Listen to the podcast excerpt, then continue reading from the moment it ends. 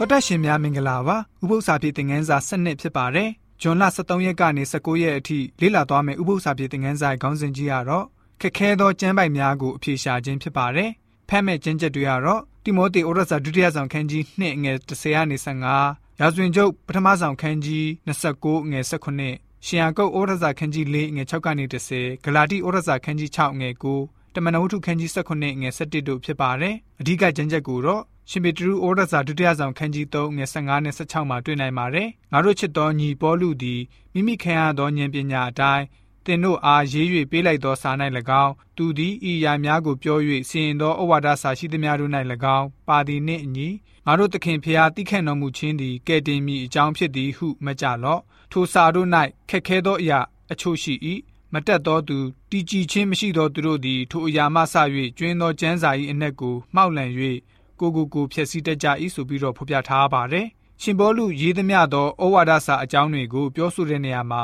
ရှင်ဘောလူဟာမိမိရဲ့ရေးသားချက်တွေရဲ့တချို့နေရာမှာခက်ခဲတဲ့အရာတချို့ရှိတယ်ဆိုပြီးတော့ရေးသားထားပါတယ်။ရှင်ဘောလူရဲ့အရေးအသားတွေဟာအလှည့်အပြောင်းနဲ့ထင်အောင်ထင်မှားဖြစ်စေတဲ့အရေးအသားတွေပါရှိနေပါတယ်။အထူးသဖြင့်မတက်တဲ့သူတည်ကြည်ခြင်းမရှိတဲ့သူတွေအတွက်ဖြစ်ပါတယ်။သူတို့တွေဟာအဲ့ဒီစကားတွေအားဖြင့်ကိုကိုကိုဖျက်ဆီးတတ်ကြတယ်ဆိုပြီးတော့ရေးသားထားပါတယ်။ ရှင်ပေတရုအနေနဲ့ရေးထားတဲ့ရှင်ဘောလူရဲ့အရေးသားအလုံးကိုဆိုလိုတာမဟုတ်ပါဘူး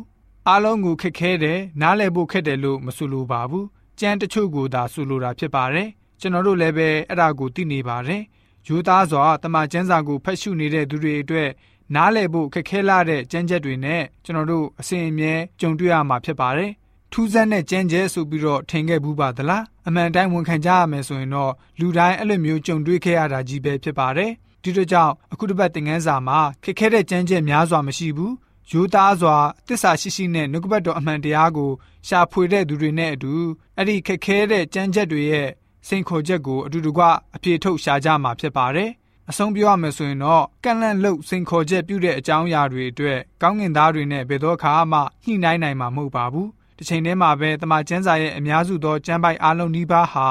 ခက်ခဲနဲ့နေခြင်းမရှိဘဲအနှဲငယ်လောက်ပဲနားလည်ဖို့နည်းနည်းတဲ့ကြမ်းပိုက်ကလေးတချို့တဝက်ကြောင့်ထထဖျားကိုလုံးလုံးလျလျားကိုးစားယုံကြည်တဲ့ကျွန်တော်တို့ရဲ့ယုံကြည်မှုကိုအထီးအခိုက်ဖြစ်စေဖို့အကြောင်းလုံးဝမရှိစေရပါဘူးဆိုပြီးတော့ဥပုံနဲ့ဥပု္ပ္ပစာဖြစ်တဲ့ငန်းစာကဖော်ပြထားပါတယ်။